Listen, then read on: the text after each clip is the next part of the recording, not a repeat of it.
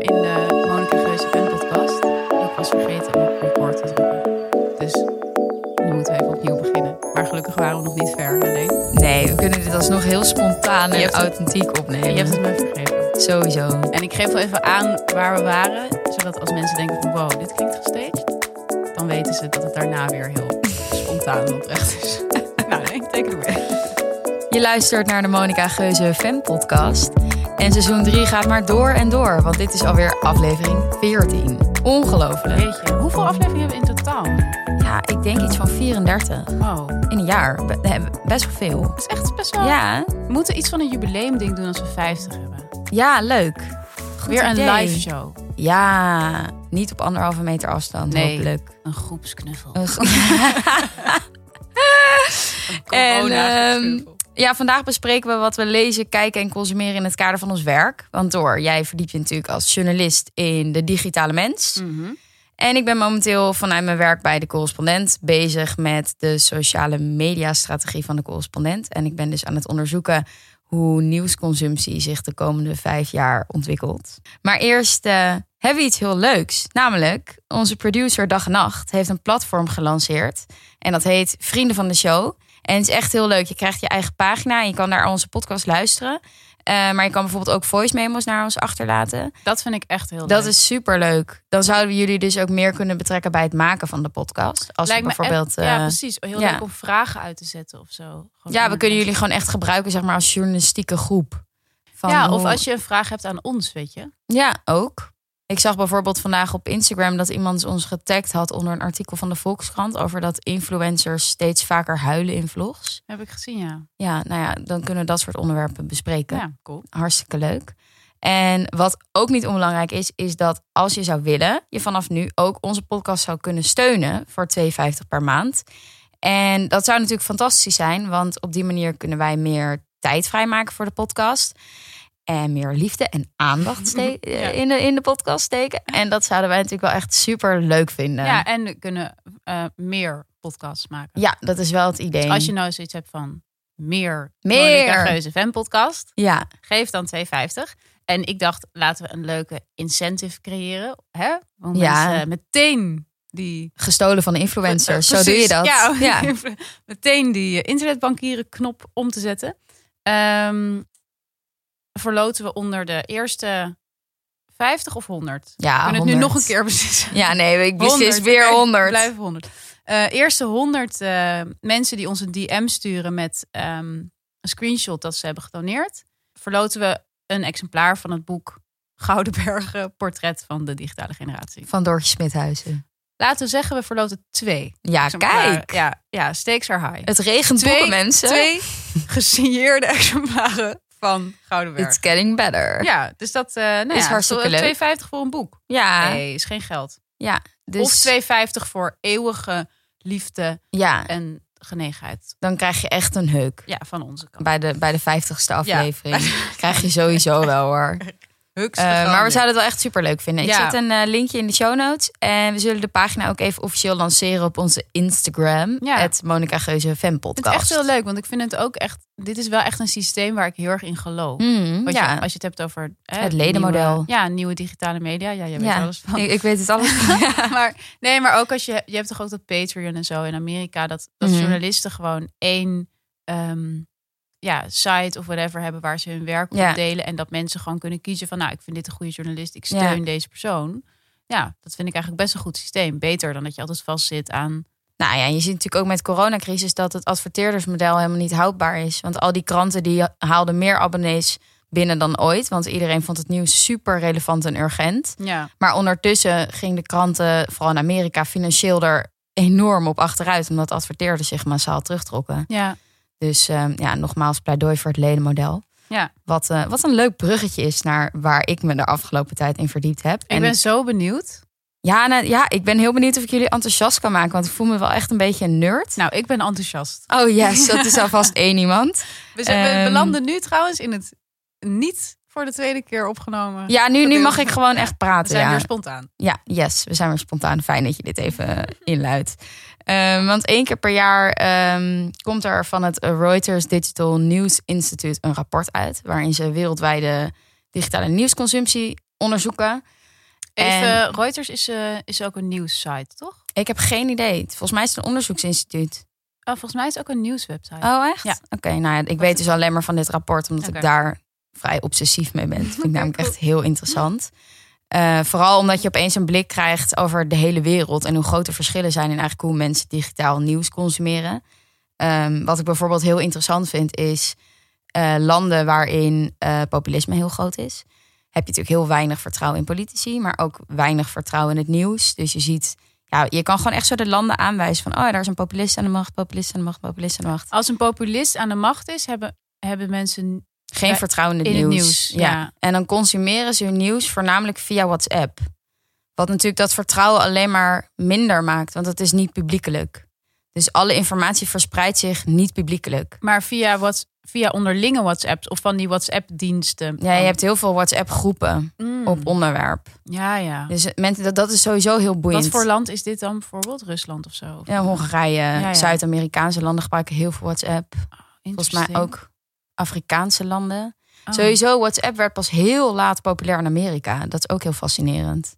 Als, ook als, als berichten. Ja, als berichtendienst. Want Zuckerberg die kocht WhatsApp voordat eh, iedereen dacht dat hij gek was in Amerika. Omdat Mm. niemand gebruikte WhatsApp. Maar in Europa was het al heel groot. Eh, en ik vind het dus gewoon heel fascinerend hoe wereldwijd mensen zo'n dienst anders gebruiken. Ja, ja. Dat is echt ehm, heel boeiend. fascinerend. En waar ik specifiek mee bezig ben, is ehm, de sociale media strategie van de correspondent. Eh, ik denk dat de correspondent is mede groot geworden door ons succes op Facebook. Ik wist gewoon, ik was heel lang de Facebook-redacteur ongeveer. Ja, ja. Dus ik speelde dat spel van Facebook uit. Ja. Ik wist gewoon precies wat je moest doen om een zo goed mogelijke Facebook-post te maken. En wat moet je dan doen? Polariseren. Ja, ja. En dat had ik niet door, want ik schreef gewoon hele scherpe teksten. Maar op een gegeven moment keek ik met een afstand en dacht ik: oh, maar ik vergroot alles uit. ja, precies. En dat staat helemaal haaks op de filosofie Uit- van de de correspondent. dag. Ja, Ik weet nog dat ik op een gegeven moment bij NRC ook naar de inter in die internetredactie en zo keek. En dat ik het echt dacht, ineens me bedacht, wow, je hebt toch die kop van ehm, dit en dit eh, was aan de hand. En wat er toen gebeurde zal je Dus, verbazen. eh, ja, Dat Ik dacht van, hé, maar dit is, alle koppen zijn dit. ja. Maar dan dus inderdaad. het begon met Vice. Ja, nee, nee, maar en dus-. Nee, maar dus dat er dan soms zo van, de, staat, de staatssecretaris van Financiën begon met een plan om dit en dit te doen. Wat er toen gebeurde, was iets heel anders. En Ja. ik zeg maar, het, het is precies hetzelfde format. Ja. ja, en dat is dan, dit is een beetje niche, maar dat is natuurlijk heel erg gericht op dat mensen erop klikken. Mhm. Maar ik maakte vooral berichten gericht op dat mensen het zouden delen, omdat dan je Ah, bereik ja. groeit. En dan moet je dus gewoon een hele scherpe boodschap hebben. Ja, ja, en misschien ook dat het meteen heel duidelijk is wat jij deelt, Ja. dus waar jij voor staat. Ja, ja, ja. Dus inderdaad, iets, een mening. ja. Ehm, Oh, interessant. Dus de, Ja. klik, eh, de clickbait kop is iets anders dan de Ja. deelbaar kop. Ja. Oh, boeiend. Eh, nou, dat vond ik ontzettend leuk om te doen. Eh, maar ik kwam er wel steeds meer achter dat alles waar de correspondent voor staat, eigenlijk haak staat op de nou, DNA van die sociale platforms. Ik bedoel, de correspondent verzamelt bijna geen data over gebruikers. Zijn tegen vooroordelen en stigmatisering en voorbij de waan van de dag, bla bla bla. Het is gewoon tegenovergestelde van die platforms. En eigenlijk is de vraag waar ik nu mee bezig ben, nou moeten wij daar überhaupt nog op zitten? En ook eh, in hoeverre is het belangrijk voor onze bezoekers? Ja. Zouden we het ook op een andere manier kunnen doen?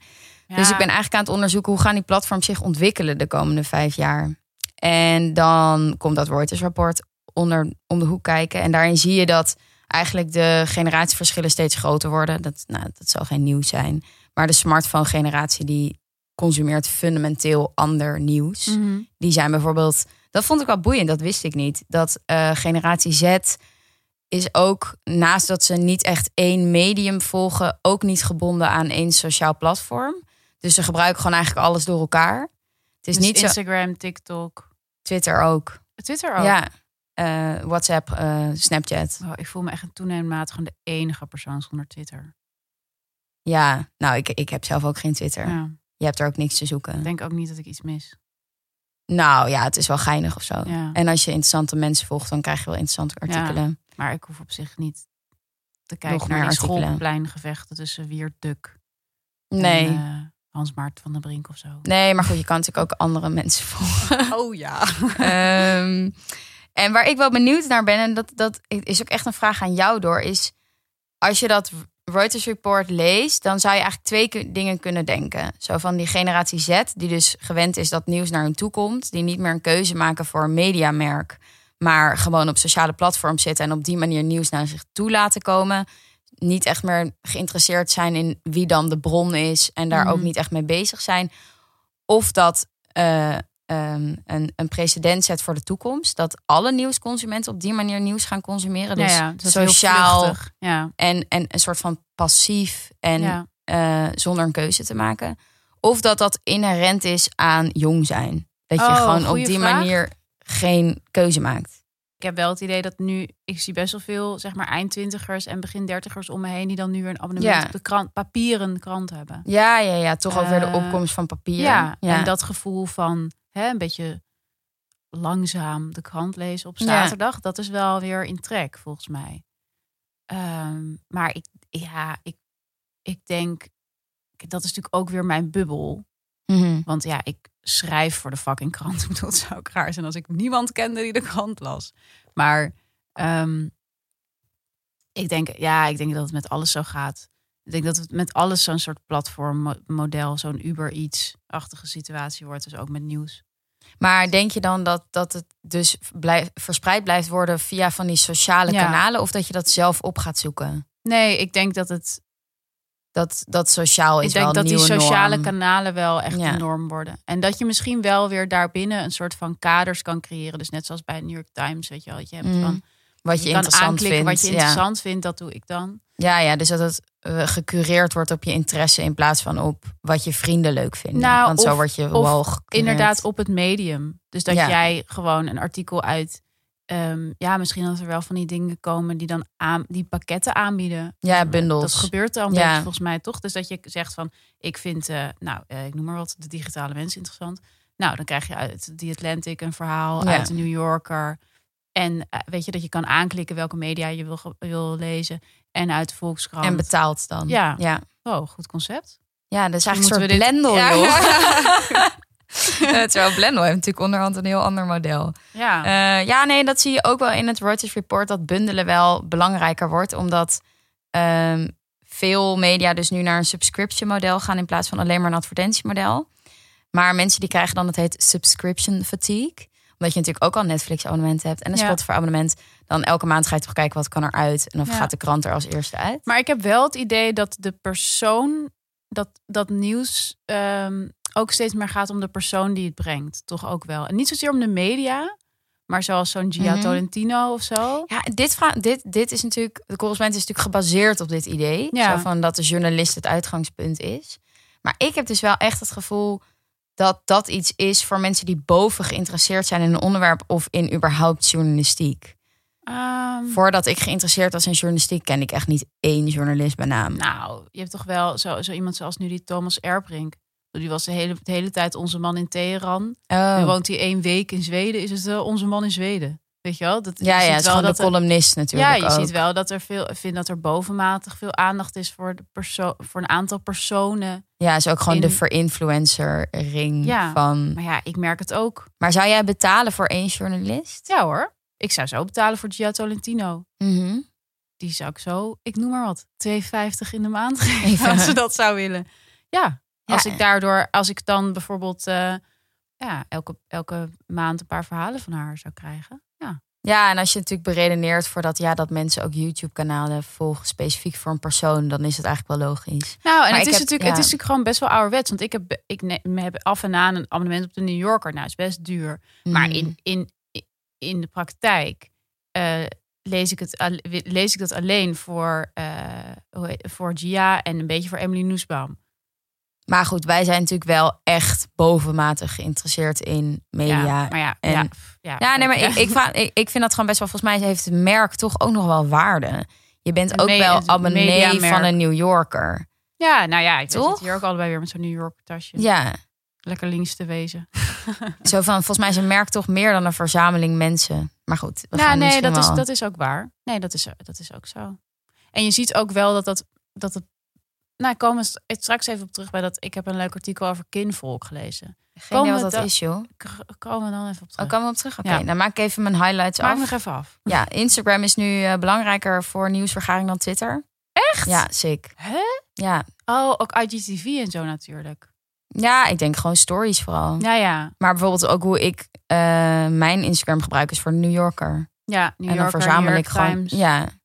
Ehm, dus ik ben heel blij dat wij vorig jaar met de correspondent op eh, Instagram zijn gaan. Volg dat kanaal, mensen. Het is echt, eh, mijn collega Malouk doet dat. En het is echt fucking interessant en inhoudelijk. Je leert ook wat. Even een stukje promo. Dan tot- mij ook.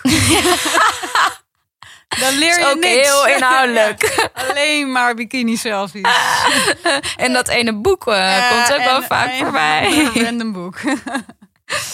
En eh, tot slot, nou ja, dat zal je ook geen nieuws zijn, maar de podcast is natuurlijk gigantisch in opkomst. En afgelopen jaar zag je in Nederland de grootste groei eh, van podcasts ter wereld. Oh. Maar in andere landen zijn podcasts veel groter dan Nederland. Zweden Maar en Spanje. boeiend, hè? Ik las laatst een heel interessant artikel in New York Times. Gaan we even in de show notes zetten. Over waarom eh, podcasts zo eh, persoonlijk voelen. Ja, En dat is, de, ze ze zeggen, de kop was ook iets van anyone could be famous now. Oh ja. Eh, heb ik gelezen. Proof podcast. ja, En dat gewoon voor elke niche. ja, Zo van, er is een podcast voor mensen die eh kool fermenteren. ja. Eh, weet je, er is, maar er is een podcast voor mensen die zelf gitaren bouwen. Er is in elke Mhm. taal. Weet je, het is voor alles is een podcast.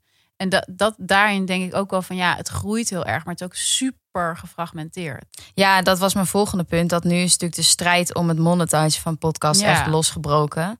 Met Spotify, die de grootste podcast op aarde kocht, de Joe Rogan Show. En Kim Kardashian gaat podcasten bij Spotify. Dat meen ja, je niet. zeker. Ze gaat actualiteiten Wow. behandelen. Nee, Ja, echt joh. Ja.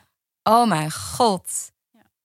Eh, ik ben hier even stil van. Ja, Maar goed, dus dit is wel boeiend zou om te kunnen Zeggen, volgen. alleen eh, nemen wij het vanaf. eh, Ja, wij nemen het op, tegen Spotify nu. tegen- Ja. tegen Kim. Tegen- Help ons. Help aan een ons, huis, zoals dat van Kim Kardashian. 2,50 is geen geld. en winnen van En Spotify weet je wat is we ook dan leuk. doen? Dan doen we ook een keer zo'n. eh, eh, ehm, dat doen we als het 200 mensen Mhm. ehm Ja, DM doneren. sturen met een donatie. Eh, nou, dan gooien we er sowieso nog een boek in de mix. Happatee. Ja. Zo, gooi ik erbij. En dan doen we allebei een 73 questions. Oh, wat leuk. in met ons een huis. video. In ons huis. Ja. doen we dat bij elkaar. Ja, dit vind ik hoopvol. Dat de meeste mensen lezen nog steeds het liefst. En je ziet bijvoorbeeld dat een nieuwsvideo stagneert in populariteit. En dit is een beetje... Ja, dit is een totaal intuïtieding. Maar ik vind dus nieuwsvideo's echt helemaal overrated. Van die explainers. Ja, kost hartstikke veel geld. Ik vind dat zelf heel relaxed om maar te kijken. Want het duurt altijd veel te lang. Nou, ik weet je wat niet- ik wel soms doe? Als ik ehm, in een eh, gesprek ben, in een, in een restaurant of zo. Of iets Ga even Dus- nieuwsvideo kijken. Ja, nou, en dan hebben ze het over Siri. Of, en dan denk ik, kut, kut, kut. Dat ook weer? En dan ga ik even naar de play en dan doe ik zo BBC, dit of dat, Ah. explained. En dan krijg je dus in een minuut Oh, in een minuut. Ja, dat of is wel twee snel. heb je echt zo pap, pap, pap. En dan kom ik de wc uit, bam, ik weet alles. Oké. Nou ja, dit is denk ik een beetje... Ik zit denk ik Dus- een beetje vast in het idee dat het onzin De is. consumptie van mijn nieuwsvideo's is ook is, is Alle- alleen maar vrijdagavond tussen, Ja, ja, tussen ja. 11 en 3. Oh, top. Oké, ik ga dit ook Dat proberen. topper. Oké, door. Jij, eh, jij wordt een halve boek-influencer, begrijp ik.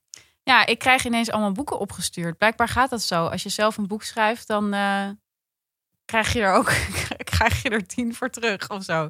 Dus ik krijg de hele allemaal prachtige boeken opgestuurd. En Joan Didion bijvoorbeeld in vertaling. Jaar van Magisch Denken, echt super tof. Ehm, nieuwe boek van Das Mag. Eh, boek van Ewout Kieft. Wat volgens mij wat heel interessant is en ook een beetje over de digitale mens gaat. Ik, ik, ik leef dan in de illusie dat mensen dan denken van... oh, dat is echt iets voor Doortje. Ik weet niet of dat zo gaat. Maar eh, nee, maar is eh, tijd tekort. Dus ze liggen eigenlijk allemaal nog op mijn... ehm, ik zit nu te denken, zou ik, zou ik hier ook een Ja, precies. Ik wil nog luisteraars mee overtuigen. Om... Nee, dus dat is allemaal echt superleuk. Maar goed, ik lees ook... eh, kijk, ik ben een beetje bezet al een tijdje door het boek Infinite Jest Ja. van David Foster Wallace, waar ik aan het begin van corona ehm, mee begonnen ben. Maar ja, dat is gewoon niet om door te komen. Het is een boek van bijna duizend pagina's, wat elke pagina weer een totaal andere stijl aanneemt. Het is Hmm. briljant. Ik vind het echt ongelooflijk goed. Eh, maar het is, het is goed zoals, ehm, weet je wel, een heel ingewikkeld schilderij van Picasso of zo goed is. Of een heel ingewikkeld muziekstuk. Het is, Mhm. je hoort, het is wel echt heel mooi en overweldigend, maar het is ook echt poeh. Dus hard werken. Dus, ehm, maar wat ik heel leuk vind eraan, want het is een boek uit eh, de jaren negentig. En hij beschrijft gewoon allerlei digitale fenomenen die nu gewoon de norm zijn. Dus hij beschrijft gewoon dus nou, 30 jaar voordat het realiteit is, beschrijft hij bijvoorbeeld gewoon FaceTime. Dus dat Ah. mensen, dat mensen gaan dan, is dan heel erg nog de telefoontijd. Weet je, mensen gaan bellen en een beetje opkomst van de mobiel.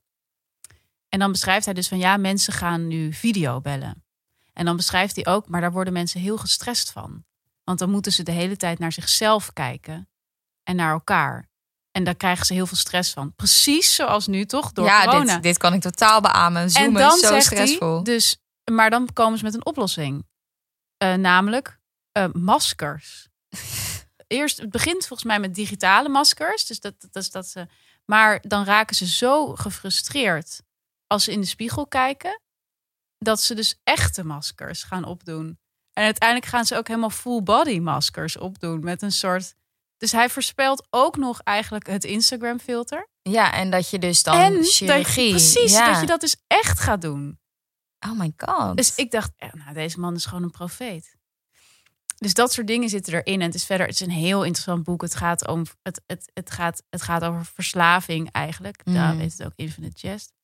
Wat betekent dat? Eh, oneindige lol. Oh. Het is uit eh Shakespeare, ja, uit Hamlet. Hmm. Ehm, eh, ook lekker toegankelijk. Ja, ja, ja over- over een andere toegankelijke auteur gesproken. Daar wordt over een of andere nar gezegd van... He is a fellow of infinite jest. Hmm. Nou, dat is Infinite Jest. Ehm, maar het is een, het is een ontzettend... En de auteur... Kijk, ik ga me nu verdiepen in digitale verslavingen voor mijn volgende boek. Eh, dus ik dacht, nou, dat is dan eh, leuk eh, om te lezen. Nou, lekker meteen een enorm dikke, ingewikkelde pil erbij gepakt. Ehm, maar goed, het is heel interessant. En het is ook heel interessant omdat die David Foster Wallace zelf ongeveer de meest verslavingsgevoelige man was die ooit heeft geleefd. Dus hij is echt verslaafd geweest aan alles. Weet je, het gewoon. de- Leeft hij niet meer? Nee, hij heeft zelfmoord gepleegd. Oh. Al, al heel lang geleden ook. Oh. Maar hij heeft verslaafd, weet je wel, de classics, drugs, drank, et cetera. Maar ook aan hele debiele dingen, zoals snoep of zo. Of, Hmm. eh, maar het is ook, hij heeft een hele serieuze tv-verslaving gehad. Ah ja, En snap boek- ik. Ja, ja. En het- dus hij kon ook niet, als hij op een hotelkamer moest ook de tv eruit en zo, omdat hij anders alleen maar, dan zou hij niet meer naar zijn, dan zou hij niet meer naar zijn eh, optreden gaan, want dan zou hij naar mijn tv gaan kijken. Ja, het is echt heavy. Oh, Dus het, hij leefde ook heel erg dat leven. En, het, en dit boek gaat er dus over dat er op een gegeven moment een, eh, een, een videoband, want dat is dan nog, is ehm, die. Het is een beetje zoals dat, dat, dat idee dat als je op een knopje kan drukken waardoor je een orgasme hebt. Dat het idee is dat de mens dat dat altijd zal doen. Oh ja, dat is zo'n Dus- moreel ding, toch? Dat je in een Precies. bad gaat liggen waar het altijd Waarin gewoon heerlijk beter is. Ja. dat is dat. Gewoon de Maar red dan dus- pill. precies, de red pill, maar dan in de vorm van een videoband. ja. Dat is er. En dat is dan Ja. in omloop. En dan zijn allemaal mensen daarnaar op zoek. Eh, en ondertussen gebruiken ze ook allemaal drugs. En weet je, het is één grote teringzooi. Wat het leven natuurlijk eigenlijk ook gewoon Hmm. is. In this day and age. Dus ehm, ik weet niet of ik zou zeggen aanrader.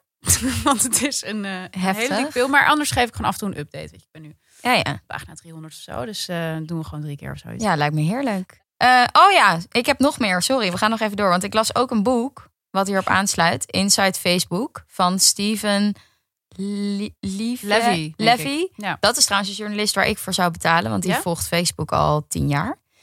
Het is echt fascinerend. Ik kan het boek van harte aanbevelen. Ja? ook als je die film hebt gezien over Zuckerberg. Het is echt mindblowing. Oh, boeiend. Die Oh, man, jongen. kijken. Echt zo van in elke speech verwerkt hij een Romeinse keizer. En Ja. echt vanaf dat hij tien is, is hij vol met hubris. En denkt hij dat hij de wereld gaat veroveren. Het is echt Oh, echt? ongelooflijk. En waar ik vooral heel erg Echt van... een soort neoliberale ubermensch. Ja, het is echt een engert. Ja. En hij heeft ook helemaal geleerd om sociaal capabel te zijn. Want dat was hij natuurlijk helemaal niet. Nee. Dat zie je ook wel in de social network. Ja. En ehm, wat ik vooral heel interessant vond, was om te zien hoe hij dan Instagram en WhatsApp overkocht. Eh, want dan stuurt hij dus een soort mailtje met drie regels. Met een smiley met: Hey, zullen we, kom je langs in mijn huis in Palo Alto? En dan legt hij gewoon even 100 miljard neer. En die mensen willen niet. 100 miljard? Ja, voor Nee. WhatsApp. 100 miljoen. 100, 100 nee, miljoen, 100 denk nee, ik. nee. Ik ga het opzoeken. Voor, voor Instagram heeft hij een miljard betaald. En volgens mij, heb jij een telefoon bij de hand? Ik ga het even. 100, mijn schat. What's Facebook paid 21,8 billion. Dus dat is 21 miljard. Miljard. Maar ja, gewoon de, de tactieken die die gebruikt. Want die mensen willen hun bedrijf echt niet verkopen. Nee, Dat voel je aan alles, ja. ook niet aan Zo van Facebook. Instagram, het Ja. DNA van Instagram is echt dat ze het leuk vonden dat mensen foto's konden Er delen. zijn ook heel veel mensen daar weggegaan toen het naar Facebook Ja, de eigenaren zijn Ja. weggegaan. En bij WhatsApp was het echt de bedoeling dat mensen gewoon met elkaar konden chatten. Ze wilden gewoon en een dat goede het sms-dienst. encrypted was. Hè? Ja, en dat het advertentievrij zou Ja. blijven. En wat Mark Zuckerberg dan doet, is tegen die mensen zeggen, die eigenaren, van ja, het blijft een losse entiteit en je mag het allemaal zelf regelen. En uiteindelijk wordt het toch opgeslokt in die machine van Facebook, die gewoon continu de strategie heeft: move fast and break things. En daardoor hele rare dingen bedenkt. En opeens politieke verkiezingen beïnvloedt. En Ja, ja, en gewoon de wereld domineert man. ja, dat is echt, ik kan het iedereen Ja. aanbevelen. Het is ook echt smullen om te lezen. Eh, in het kader van eh, wat kleiner, maar ook heel interessant, eh, las ik een echt heel mooi artikel op Vanity Fair. Sowieso vind ik Mhm. Vanity Fair gewoon Ja, heerlijk. Hadden we maar een Vanity Fair-achtig platform in Nederland. Is geprobeerd hè, met Park.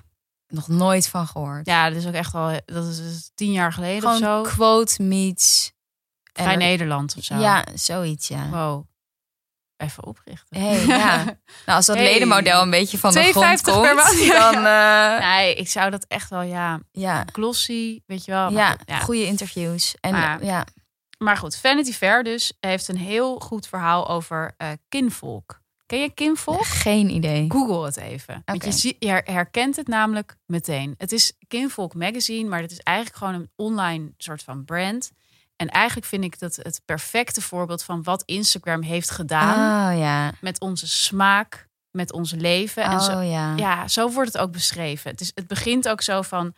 ehm, weet je wel, heb je wel eens een, een avocado toast gemaakt en dan de avocado zo gepakt en het schuin doorgesneden? Heb ik- je wel eens niet. heb je wel eens een, li- linnen doeken of zo op je tafel gelegd en dan een aantal van dat soort voorbeelden waarvan je op een gegeven moment denkt van oké ja heb ik al eens gedaan dan denk je dan ze en dan zeggen ze eh, dan heb je waarschijnlijk een keer een foto van Kim Volk gezien en het is dus een ehm, ja het is het is het is een magazine maar het is ook online heel groot en het heeft een soort esthetiek die gewoon Ja, heel helemaal ja, maar toch gewoon helemaal de afgelopen tien jaar Instagram. Mhm. Dus zeg maar van die, ja, van die pasteltinten, weet je wel, buiten. Het, het gaat ook om, het, het thema is small gatherings with friends. Dus zeg maar, weet je wel, zo dat je dan een tafel hebt met een paar flessen lekkere wijn en een, een, een, een heel ambachtelijk brood. En eh, weet je, dat, dat daar dan een, een, een hangmat is. Weet je, dat, dat is een beetje het idee.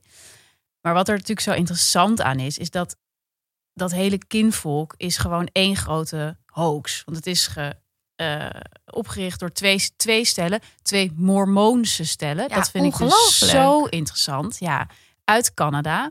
Die een soort van, ja, een soort kwartet vormden. Dus als vrienden, dus die twee stellen. Oh, geen seksueel kwartet. Nee, Ja, althans, jammer. nee, niet dat ik weet. Maar en, ehm, en die dan dus altijd met z'n vieren aten. En dus besloten hebben om dat eh, ja, als, een, als een soort merk te gaan verkopen. Wel een goed idee. Heel goed Ja. idee. Heel, eh, heel sterk idee. En ze, ze, ze- leefden dus ook echt dat leven. Maar je ziet gewoon dat op het moment dat ze, dat, dat ze hun eigen leven gaat mon- gaan monetizen, Mhm. wordt het een beknelling. Mhm. En dan komen er allerlei dingen bovendrijven. Zoals dus dat een van de oprichters is dan eigenlijk homoseksueel. En die gaat dan Hm. weg bij die partner. En dat is allemaal moeilijk. En ze krijgen, ze krijgen eh, nou ja, doodgeboren kinderen en zo. En het is allemaal verschrikkelijk. En ze, ze, ze, ze zitten zo vast in dat prachtige leven dat ze hebben gecreëerd. En dat ze ook mo- moeten ophouden. Want al die werknemers die daar... Op een gegeven moment werken daar maar honderd mensen of zo. Ja, die moeten natuurlijk ook zoiets hebben van... Ja, dit is echt kinvolk. En dit is echt waar we... Weet je wel, waar we hebben voor hebben getekend. Dus dat vond ik heel interessant. Dat je dan, het vond eigenlijk een hele goede illustratie bij hoe Instagram hè, niet alleen bepaalt wat we delen, maar ook echt hoe we gaan leven. En Mhm. hoe we eh, die standaard aan onszelf gaan stellen. Van als je uit eten gaat, moet het er zo uitzien. Mhm. Als je eh, een jurk aantrekt, moet je er zo uitzien. Überhaupt je lichaam moet er zus of zo uitzien. Mhm. Heel interessant. En wat ik ook heel leuk vond om te zien, is hoe dat zit met die, weet je, die, wat zij ver- verko- verkochten was, of verkopen, want het bestaat nog steeds, is eh, echt dat idee van authenticiteit. Mhm. En dat is natuurlijk Ja. heel erg waar Instagram op, op teert, Ja. volgens mij. Dus dat idee van, kijk hoe echt, kijk hoe authentiek wij zijn. Weet Ja. je wel, kijk hoe mooi we hebben dan deze boom versierd met de kleine witte papiertjes en het is allemaal prachtig. Weet je, en dat is natuurlijk gewoon het punt is op het moment dat je iets gaat verkopen, is het niet meer authentiek. Mhm. Op het moment dat iets gemaakt is om door veel mensen leuk gevonden te worden en met een commercieel oogpunt, is het gewoon niet meer authentiek, denk ik. Ja, grappig ook dat het allemaal van die. ehm, weet je wel, net als dat, dat mensen heel graag eh, fotograferen dat ze iets gefermenteerd hebben. Of zeg maar juist van die handmatige processen, dat daarvan dan de uitkomst moet vastgelegd worden. Dat zijn natuurlijk juist handelingen waarin het helemaal gaat omdat je. Ja, net als tuinieren, dan verlies je juist het doelgerichte. En het is Ja. allemaal heel ongrijpbaar en niet theoretisch en niet doelgericht. Gewoon het zorgen. Ja, En door het dan toch doelgericht te maken, verlies je Verliest ook hele helemaal. En- de ervaring. Precies, en ik, en ik vind het gewoon een heel goed voorbeeld van hoe we de afgelopen jaren steeds meer dat soort platforms als nou, vooral Instagram hebben aangegrepen om ons soort van te vertellen wie we zijn. Mhm. Dus zo ben je echt authentiek lekker jezelf, weet je, met intentie. En dan ga je zo met intentie bij elkaar zitten. Maar toch even een fotootje, weet je. En het is, dat vind ik er zo boeiend aan, ook met gewoon het, nou ja, de, de illustratie van die, die vriendengroep die dan helemaal uit elkaar valt en gewoon eh, dat succes ook helemaal niet aan kan en gewoon nou, verschrikkelijk. En dat bijvoorbeeld dan nu dus de, nou, de, echt de, de grote founder, die eh, Nathan Williams, is nu gewoon eh, creatief directeur van een enorme Canadese winkelketen. Weet je, gewoon nul authenticiteit. Mhm. Maar dat nog steeds ook in dat interview wel een beetje hoog houdt. Van nee, dat is heel mooi naar de mensen toe of zo. Ja, is een beetje als meet. Dat is ook zo authentiek. Ja, precies. Terwijl ja. iedereen heeft een fucking meetbank. ja, precies. En maar het is ook een veilige vorm van authenticiteit. Ja. Weet je, als je het herkent. Ja, En dat je. En dat wordt dan ook beschreven dat die werknemers daar komen en dat ze echt zo'n ervaring hebben van wauw, het bestaat. Weet je wel, ik ben er. Dit is de, de, de, re- de ja, dit- Instagram hemel. Ja, ja. weet je wel. Dus dat, eh, dus nou, ik vond het een heel goed artikel. Je kan het ook luisteren. Kan ik ook aanraden. Hey, en Eh, door, denk mhm. jij dan dat er op een gegeven moment twee soorten mensen komen? De mensen die ervoor kiezen om niet meer mee te doen aan het spel. En het men, de mens die zeg maar continu bezig is met beantwoorden aan de normen die platforms je opleggen. Nou ja, het is interessant, want, want dat is dus ook al, die Harari gaat daar ook wel op in. Want die beschrijft dus hè, 21 les voor de 21ste eeuw. Nou, ik heb het gevoel dat echt iedereen het boek al had gelezen, behalve ik. En dan zit ik het Minst verkochte boek van hem. van Harari. Oh, Mhm. nou, mooi. Dan ben ik nog een beetje uniek. Maar ik heb echt met die Harari, weet je, het is natuurlijk het zo populair wetenschappelijk, maar ik lees het en ik denk bij elke pagina, jeetje, zo ongelooflijk. Nou, weet je, ik ik denk bij elke pagina, waar baseer je dit op? ja, nee, dat vind ik dus heerlijk. Oh, dat vind ik echt Hij gaat gewoon. vreselijk. Nee, hij gaat gewoon, hij heeft scheid. Oh ja, dat Hij heeft echt scheid. bij Homo sapiens dacht Nee, ik, ja, waar heerlijk. baseer je dit Preach, dan op, joh? Preach. Nee, ik vond dat echt interessant. En ik vind het ook gewoon interessant dat iemand zijn denkmodellen deelt. Weet je, dit is Mhm. gewoon hoe hij het ziet. En hij beschrijft dus heel goed dat het, eh, nou ja, dat het, het hele, eigenlijk wat jij nu ook een beetje oppert van het hele neoliberale. Vroeger hadden we allemaal religies en eh, dan geloofden we in God. En eigenlijk zegt hij, nu hebben we het neoliberale systeem en geloven we in de vrije wil. Ja. En in het idee dat wij als mens op de wereld zijn en dat we allemaal dingen kunnen bepalen de hele tijd. En eigenlijk zegt hij van, nou, dat is niet waar, want alles wat we doen wordt gewoon voor ons bepaald in biochemische processen die gewoon gebaseerd zijn op overlevingsdrang, weet je wel, voortplanting, eh, het, het soort van risk-averse zijn in je handelen. Er is niet zoiets als, eh, weet je wel, dat idee van dat je echt zo heel erg gaat voelen wat je wil. Dat, dat zegt hij van ja, dat slaat eigenlijk nergens op. Mm. En ehm, eigenlijk zegt hij dus ook van wat we nu aan het doen zijn met die algoritmes, is eigenlijk een soort veruiterlijking van wat er in ons lichaam al gebeurt. Mm. Dus het soort van kansberekening, maar dan veel efficiënter. En hij oppert eigenlijk een beetje van ja, waarom zouden we niet gewoon dat nog veel meer doen? Dus die artificiële intelligentie veel meer voor ons laten werken. Dus als je bijvoorbeeld hebt over studiekeuze. Weet je, dat is zo'n keuze waarvan ik heel vaak, weet je, dat je denkt, ja, wat moet ik nou gaan studeren? Terwijl hij zegt van, oké, stel jij hebt gewoon 18 jaar lang, heb jij gewoon een computer gebruikt Mhm. en die weet alles van jou. Ik bedoel, dat is zo, toch? Computers weten gewoon, die weten zo fucking veel van ons. En als jij nou gewoon zegt na 18 jaar, hey computer, wat zal ik studeren? En die computer zegt van, nou, dit en dit, dit vind je leuk, dit vind je moeilijk, hier blijft je aandacht langer, hier blijft je aandacht korter. Nou, wat voor jou nou echt het beste is. En dan kan je misschien nog aangeven van, nou, ik wil zo en zoveel gaan verdienen later, of ik wil dit of dat. Nou, jij kan het best theoretische natuurkunde gaan studeren. En dan zeg je, oké, computer, en dan ga je het doen. Ja, wel chill. Wat vind jij hiervan? Ja, ik geloof het gewoon. Ik geloof het gewoon helemaal niet. Nou, Volgens mij wordt zoveel is gewoon toeval. Ik vind het gewoon, ja, dat is waar. Ik- maar, dus, maar dan zou je zeggen van, dan haal je, dat, haal je dus heel veel toeval weg. En dan ga je gewoon super efficiënt. Maar misschien is toeval plus toeval wel weer niet geen toeval. toeval. Maar ja, of je kan zeggen dat al die redenen waarom je dingen doet, zoals eh, nou, dat je kinderen wil krijgen en overlevingsdrang, is dat ook grotendeels gebaseerd op toeval. Ik weet niet, er ligt een heel rationeel wereldbeeld aan ten Het is grondslag. extreem rationeel. Ja, en dat- is dat extreem niet. rationeel. En hij, maar ik vind ook, hij verkoopt het wel goed. Ja, oké. Ja, dus dat hij bijvoorbeeld ook zegt van hij neemt ook Spotify en zo. Mhm. En nou, als ik kijk naar het algoritme van Spotify, weet best wel hands down goed wat voor muziek ik leuk vind op Ja. dit moment. En Maar geloof je ook dat een partner daar echt op zo'n zoiets gebaseerd kan worden? een partner? Ja, een partnerkeus bijvoorbeeld. Je hebt natuurlijk Married at First Sight. Dan word je gekoppeld op Ja. basis van de wetenschap. Nou, dat is natuurlijk eigenlijk. Maar ja, eigenlijk is dat toch gewoon Tinder. Ja, maar dat wordt dus ook nog echt gekeken naar pheromonen en hormonen en DNA ja, maar, en zo. ja, maar kijk, het is natuurlijk met, met dat soort dingen bijvoorbeeld dat ehm, wat ze bijvoorbeeld ook heel goed kunnen meten al, en dat wordt steeds Mhm. meer, is hoe je met je ogen beweegt. Oh, dus ja. dat je waar jij naar kijkt bij iemand, bijvoorbeeld als jij altijd naar Oh. iemands kin kijkt, dat je heel erg weet Wow, door. Waar zou ik nou kijken bij Ja. jou? Je ogen, Ogen, wel. Ja, ja. oké. Maar dus en ook hoe lang je blijft kijken, wat voor Hmm. foto, weet je, dus dat, dat, dat, dat die al bijvoorbeeld als jij altijd altijd een beetje blijft kijken bij iemand met een foto met de surfplank, Ja, dan weet hij, dan weet het algoritme al, nou, een servertje. ja, en Dat weet je zelf dus niet eens. Dat Echt. weet jij dan Ja. niet eens. Ja. Dus het baseert zich op biochemische processen ja.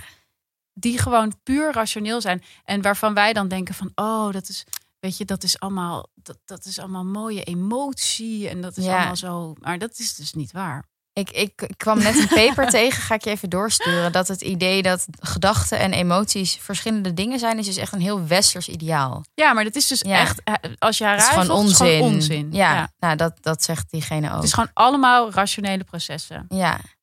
Ja, het, het is, wel- heel eng, maar het, ik vind het ook heel fascinerend om erover na te denken. ja, zeker. Wat ik, Hm. wat ik er eng aan vind, is dus, eh, dat is een bruggetje naar eh, het volgende boek wat ik heb gelezen. Is dat je dus de computer menselijke concepten moet aanleren, zoals identiteit. Dus Ja. überhaupt het concept homo of hetero. In plaats van dat je gewoon zegt, je vindt zoveel procent dat soortachtige mensen leuk. Je gaat alles Dat kwalificeren. er meteen iets op wordt geplakt. Ja, ja überhaupt man en vrouw. Sommige mensen voelen zich niet thuis in een van die twee hoekjes. true. Ehm, want ja, we hebben van best wat luisteraars berichten gekregen waarom we het niet over Black Lives Matter hebben gehad. En dat vond ik eigenlijk een hele terechte vraag, waar ik ook niet per se een goed antwoord op heb. Dus ehm, ik heb me in ieder geval de afgelopen maand opnieuw verdiept in eh, racisme en vooroordelen. En Doortje kreeg onder andere het boek Mijn ontelbare identiteiten van Sinan Chankaya opgestuurd. Dus dat ben ik maar eens gaan lezen Van de bezig bij. van de bezig bij. Ehm, kan ik van harte aanbevelen. Eh, ik zou het het meest samenvatten als... het is een reflectie op het zijn van de ander. Hij beschrijft bijvoorbeeld heel mooi hoe, je, hoe, hoe Sinan, hij dus... in Turkije de ander is, want daar is hij Nederlander. Maar in Nederlander is hij de ander, want dan is hij een Turk. En je voelt als lezer heel erg hoe hij... eh, hoe je gevangen wordt in zo'n identiteit, maar ook hoe je jezelf in zo'n identiteit gevangen houdt. Want je gaat je ook conformeren aan wat de ander jou tot ander maakt. Mm. Als dat nog een beetje iets zegt. Ehm, Ja, zeker. Nee, dat is echt een heel goed punt. Ik, had, Ja. ik interviewde Boef, Oh, wat rapper leuk. Boef. Ja, heel leuk. En ehm, toen had ik het ook met hem over die keg-affaire. Mhm. En toen zei hij ook van ja, weet je wat het ook was? Het was ik was op dat moment ook gewoon Ja. die guy. Ik was gewoon die straatgast. Mensen wilden dat zien. En ik conformeerde me daar ook naar. Mhm. En hij zegt van ja, ik zou dat nu nooit meer doen, maar ik begrijp wel waarom ik dat deed. Ja, en mensen wilden die discussie voeren. En hij was gewoon... Via de- hem. Ja, via hem. Ja. Hij was gewoon ook een beetje het slachtoffer daarvan. Van dat mensen dat gesprek nou ja, voeren. ik vind dat alsnog een domme actie, maar Ja, maar er waren honderden mensen die dat soort acties hadden. true. Ehm en nou ja, hij schrijft bijvoorbeeld, Sinan schrijft dan... ik ben door jou. Tegelijkertijd definieer ik mezelf. Dat is een beetje de crux. En wat ik ook heel sterk vond, is dat hij beschrijft dat eigenlijk iedereen zich in de publieke ruimte een beetje onheimisch zou moeten voelen. Want het moment dat er een groep is die zich volledig thuis voelt in de publieke ruimte, betekent dat dat andere groepen uitgesloten worden. Waar voel jij je volledig thuis? In mijn eigen huis. Oh ja. En dat is dus de enige plek waar je. Of bij je, Thuis bij je zou moeten voelen. Ja, en bij je familie en je vrienden. En, maar de en in de publieke buiten, ruimte. en in de buitenwereld? In de publieke ruimte? Nou, ik denk dat ik me eigenlijk heel thuis voel in de publieke ruimte. Ja, en dat is natuurlijk omdat ik gewoon een hele jupperige buurt woon met allemaal mensen precies zoals ik. Ja. En ik heb het gevoel dat ik die, die buurt bezit. En dat is eigenlijk precies het probleem wat Sinan aankaart. En hij beschrijft dat ja, heel indringend. Ehm, hij heeft ook één hoofdstuk waarin hij beschrijft hoe hij bij de politie onderzoek deed naar etnisch profileren. Ja. Nou, dan rol je van de ene scène in de ander waarin hij wordt gezien als de jongen die de cola-automaat moet vullen of de schoonmaker. En dan moet hij dus uitleggen: ik ben gepromoveerd. Oh, erg, Dat is zeg. echt heel erg. Ehm, en dan nog een laatste inzicht vond ik ook heel boeiend. Zo had ik er nog nooit naar gekeken. Hij schrijft: ehm, Politiek rechts huldigt het idee van de botsingen der beschavingen. Denk aan Thierry Baudet. Maar links spreekt van bruggen bouwen. Wat eigenlijk ook impliceert dat er, Dat er sprake is zijn. van een gescheiden culturele wereld. In plaats van gewoon één wereld. Met allemaal verschillende mensen. Ja, Waarin mensen fluctueren tussen hun identiteiten. ja. Heel interessant. Ja, echt heel knap, heel genuanceerd, eh, gelaagd. Ik, eh, ik zet ook een voorpublicatie, ehm, die verscheen namelijk op de correspondent in de show notes. En er was ook een heel mooi interview met Sinan op de correspondent, zet ik ook in de show notes. Het is een beetje een correspondent promo, deze podcast Ja. ook. En verder heb ik ehm, Hallo Witte Mensen van Anousha Nazume, heb ik drie jaar geleden gelezen, heb ik er weer even bijgepakt. Dat kan ik als je nog niet zoveel weet over cultural appropriation en hoe eh, nou, koloniaal denken in elkaar zit en hoe dat racistisch systeem werkt. En nou, hoe eigenlijk ehm, wij allemaal racistische vooroordelen hebben. Dat legt zij heel goed uit. Ja, Ehm, sowieso dat punt wilde ik ook maken. Dat hebben we ook besproken. Dat mensen. Het zou zo mooi zijn als mensen gewoon allemaal konden erkennen dat we allemaal racistische gedachten hebben, zonder dat we daarvoor kiezen ja, omdat die gewoon voortkomen uit een racistisch systeem waarin we leven. ja. En wat je kan doen is die racistische gedachte herkennen en vervolgens er niet naar handelen of hem actief vervangen voor een andere gedachte. Ja. Maar mensen schamen zich zo voor zoiets dat ze dat onderdrukken. Nou, en het is ook op een gegeven moment, dat vond ik ook wel. Sarah Sluimer had daar wel een goed artikel over, Mm. op NRC. Ehm, hè, dat ook ju- juist een beetje door dat sociale media activisme. Ja. Wat ik denk ik op zich vind ik het heel goed hoor, dat iedereen zich uitspreekt. Ja. En, maar het vervalt ook een beetje in het snel willen laten zien dat je bij de goede kant Ja, je kan het goed en slecht doen. Precies. Ja. En zo van wie zwijgt. Goede eh, kant van de geschiedenis. Ja, precies. Wie zwijgt stemt toe of zo. Terwijl ik inderdaad ook denk, zullen we nou eens niet gewoon een keer niet meteen iets zeggen? Mhm, Allemaal, ook vooral wij witte mensen. mhm. En gewoon een keer luisteren en vooral inderdaad ook nadenken over, ehm, ja, in hoeverre je hier zelf ook echt onderdeel van bent. Want je bent er sowieso onderdeel van, van het systeem. ja. Jij, weet je, er, er is gewoon racisme, dat is een feit. En dat is al eh, honderden jaren zo. En Mhm. iedereen die zegt, nee, ik ben, ik ben daar helemaal geen deel van. En dat, kan gewoon. Volgens mij kan dat gewoon niet. Net zoals seksisme. Ik heb ook wel eens seksistische gedachten. weet je. Mhm. Het is gewoon, Ja, daaronder Dus ligt natuurlijk ook het idee dat, eh, dat gaat ook weer over de vrije wil. Dat je, je kiest niet voor gedachten. Dat Nee. zijn gewoon opborrelende ge- ge- gebeurtenissen in je hoofd. Ja, Die nee, kies ik- je niet. Dat, het gebeurt gewoon. Ik hoorde een goed voorbeeld van eh, eh, theatermakers. die een theatervoorstelling hadden gemaakt over homoseksualiteit. En die toerden daarmee door Nederland. En die vroegen, het was best wel veel publieksparticipatie. Dit was nog allemaal hè, voor corona. Mhm. Ehm, en dan vroegen ze op een gegeven moment aan het publiek van wie heeft er wel eens twee mannen of twee vrouwen zien zoenen op straat. En, en toen een beetje een gek gevoel. Of dat je dacht van Mhm. oeh. Of Ja, van Oh, wow, raar. Of überhaupt gewoon iets het- dat van je het zag. hey, het wijkt af van de norm. Ja, En dan gingen, weet je wel, in Zierikzee, in Gouda, in Haarlem, gingen altijd gewoon de handen omhoog. Want iedereen heeft wel eens zoiets gedacht. Weet je, ik ook. Terwijl ik, ik ben helemaal, ik, ik vind niks van homoseksualiteit. Ik- Weet je, Mhm. de- maar toch, omdat het afwijkt van wat je doorgaans ziet, krijg je dat soort gevoelens, terwijl je het ook Ja. niet wil.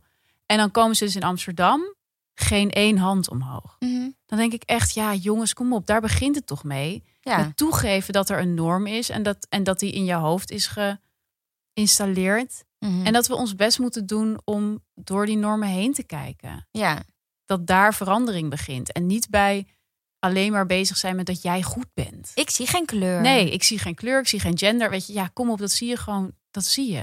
Ja, en die kleur en gender zijn dan wel weer een sociaal construct. Maar daar ja, kan je niet je kan er niks ja, aan doen, Ja, meestal. ja. Ofwel. En dan heb je een ander probleem. Maar ik vind dat wel, nou ja. Ja, ik vind dat ook echt belangrijk. Dat, ehm, En tot slot heb ik nog twee dingen die ik kan aanbevelen. Dat is een, eh, klassieker in dit genre. White Innocence van Gloria Wekker. Kan ik alleen al aanbevelen omdat er een anekdote in staat... waarin alledaagse racisme geïllustreerd wordt. Waar ik in voorkom. Echt waar? Heel gênant. Wat dan? Nou, dan zit ik met mijn vader aan tafel bij De Wereld Draait Door. Ah. En dan zegt mijn vader, ja, maar als ze met een neger thuis komt. En dan zeg ik, pap! Heel erg. Ja, dat staat erin. Wauw. Ja. ja, ik vind het ook best gênant om te vertellen, maar it's true. Ik heb hem wel gecorrigeerd aan Ja. tafel op tv. Ja, Dus voor miljoenen kijkers. ik... eh, Goede kant van de geschiedenis. right there. Yes! Ehm, en tot slot had Karin Amoud Moekrim een fantastisch stuk op de correspondent geschreven over hoe belangrijk het is om nu de activisten eh, te zien als helden, omdat dat degene zijn die de weg hebben vrijgemaakt voor de verandering die je nu een klein beetje ziet. Je ziet dat het gematigd midden nu toch wel nou, meer open staat om überhaupt te praten over racisme. En sowieso kan ik haar serie over verzwegen geschiedenis heel erg aanraden. Tevens eh, op de correspondent? Ja, ook. Ja, sorry, Oh, dat leuk. is gewoon wel het, me- het main medium wat ik nog lees. Prima. Ehm, ja, is heel vet. Zij heeft de afgelopen twee jaar dus geschiedenis opgetekend die eigenlijk in onze geschiedenisboeken zouden moeten staan. Bijvoorbeeld over Anton de Kom. En die is deze week toegevoegd aan het kanon. Dus je ziet ook dat het geschiedeniskanon nu verandert. Goed hè? Eh, je had natuurlijk ook die beeldenstorm. Mensen die eh, Koen en zo eh, van hun stand, van hun voetstuk af willen Van een sokkel. van hun sokkel willen slaan. Ehm, ja, kan ik van harte aanbevelen. Cool. Ja, ik Nou zet ja. ook allemaal in de show notes. Ja, goed doen. En, en voor iedereen die het nog niet heeft gezien, die documentaire over Boef. Ja, fascinerend. Echt, hè? Ik werd er wel helemaal naar van. Hoezo? Nou, ik vond het ook wel zo zielig allemaal. Dat hij alleen is. Nou ja, maar ook wat hij heeft meegemaakt. Ja, dat is wel echt. Nou ja, dat vond ik ook wel echt in het kader van je inleven in een ander. Ja. Wel dacht zo. In de banlieue. Jongen op je vierde naar Nederland gekomen Ja. uit Parijs. Je, oude, ene, je vader in de bak, je moeder aan de drank. En hij was ziek. Ja, en dan bij eh, pleegouders die dan weer uit elkaar gaan en dood. Ja. Ik vond dat, eh, ik- maar ik vond het niet een zeikerige film. Nee, ik vond het ook niet een Ik zeikerige kreeg wel film. respect voor hem. Ja, ik ook totaal. Maar ik dacht wel, ja, dan heb je nu dat, die enorme kas van een huis in Almere. En nu, dat benoemt hij natuurlijk Ja, ook. dat zegt hij ook. Van je kan geluk niet kopen uiteindelijk. Ja. Hij wilde heel graag miljonair worden. Nu is hij het. Ja, En nu. en ja. dan ja, dan moet je voor het volgende enorme Ja. huis gaan werken. Ja, ik vind, maar ik vond hem wel echt mooi. Ik vond ook gewoon vooral heel boeiend dat het enige wat hij wilde was, was rijk, Rijk worden. worden. Niet eens beroemd. Nee, en ook niet eens rijk. rapper. Nee, gewoon alleen maar rijk. Ja, Dat vond maar hij heeft ook allemaal panden, hè? Oh ja? Ja, ja. Oh, hij heeft gewoon allemaal, hij heeft er gewoon echt alles Ah. aan gedaan. Oh, Hij is gewoon, het, het is een beetje, eigenlijk is dat rappen gewoon toevallig dat hij daar geld mee bleek te kunnen En zo verdienen. heeft hij gewoon ja. zijn eerste miljoen verdiend. En nu natuurlijk, ja, ja, Ja. zo werkt het. Ja. En jij hebt hem geïnterviewd voor de quote. ja, voor quote. Wanneer kunnen we dat lezen? Volgens mij in september. Oh, oké. nou, dat duurt nog wel even. Ja, Print media. Ja, precies.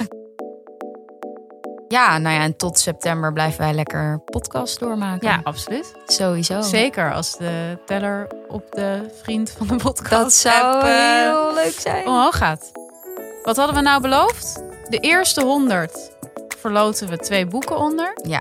En dan de 100 daarna Ja. weer een boek. En dan doen we. ja, dus als we voor de volgende aflevering 200 vrienden van de podcast hebben, dan maken we allebei een 73 questions. Questions. En dan, oh, daar, dat is sowieso echt fantastisch om te maken. Ja, Lijkt me heel leuk. ja daar heb ik ook echt. En we gaan ook weer proberen om terug te gaan naar ons, eh, naar ons ritme. Ja, we Dus gaan, dat- het is weer een beetje, het is een beetje back Het to is normaal. weer normaal, hè? Ja. Back to work. Back to work, gewoon back die to, dingen. Back to twee wekelijks podcast. Ja, dus woensdag om de week in je podcast-app of op de Vriend van de Show app. ja, Nieuwe podcast. nieuwe podcast. En als je gastideeën hebt, laat het ons weten. Blijf erbij. Ik was, Ja. ik was gisteren voor het eerst weer eh, zo'n beetje op een eh, anderhalf meter afstand event. Leuk. Meteen een fan van de podcast Yay. En gesproken. jullie hebben niet gehukt. Nee. Oké. Aan de goede kant van de geschiedenis dus door. de corona is gebleven. Ehm, dus shout-out naar alle fans Kom naar ons toe. Blijf op anderhalve meter afstand. En of probeer dichterbij te komen. en eh, we zien jullie later. Ja, Doei. doei.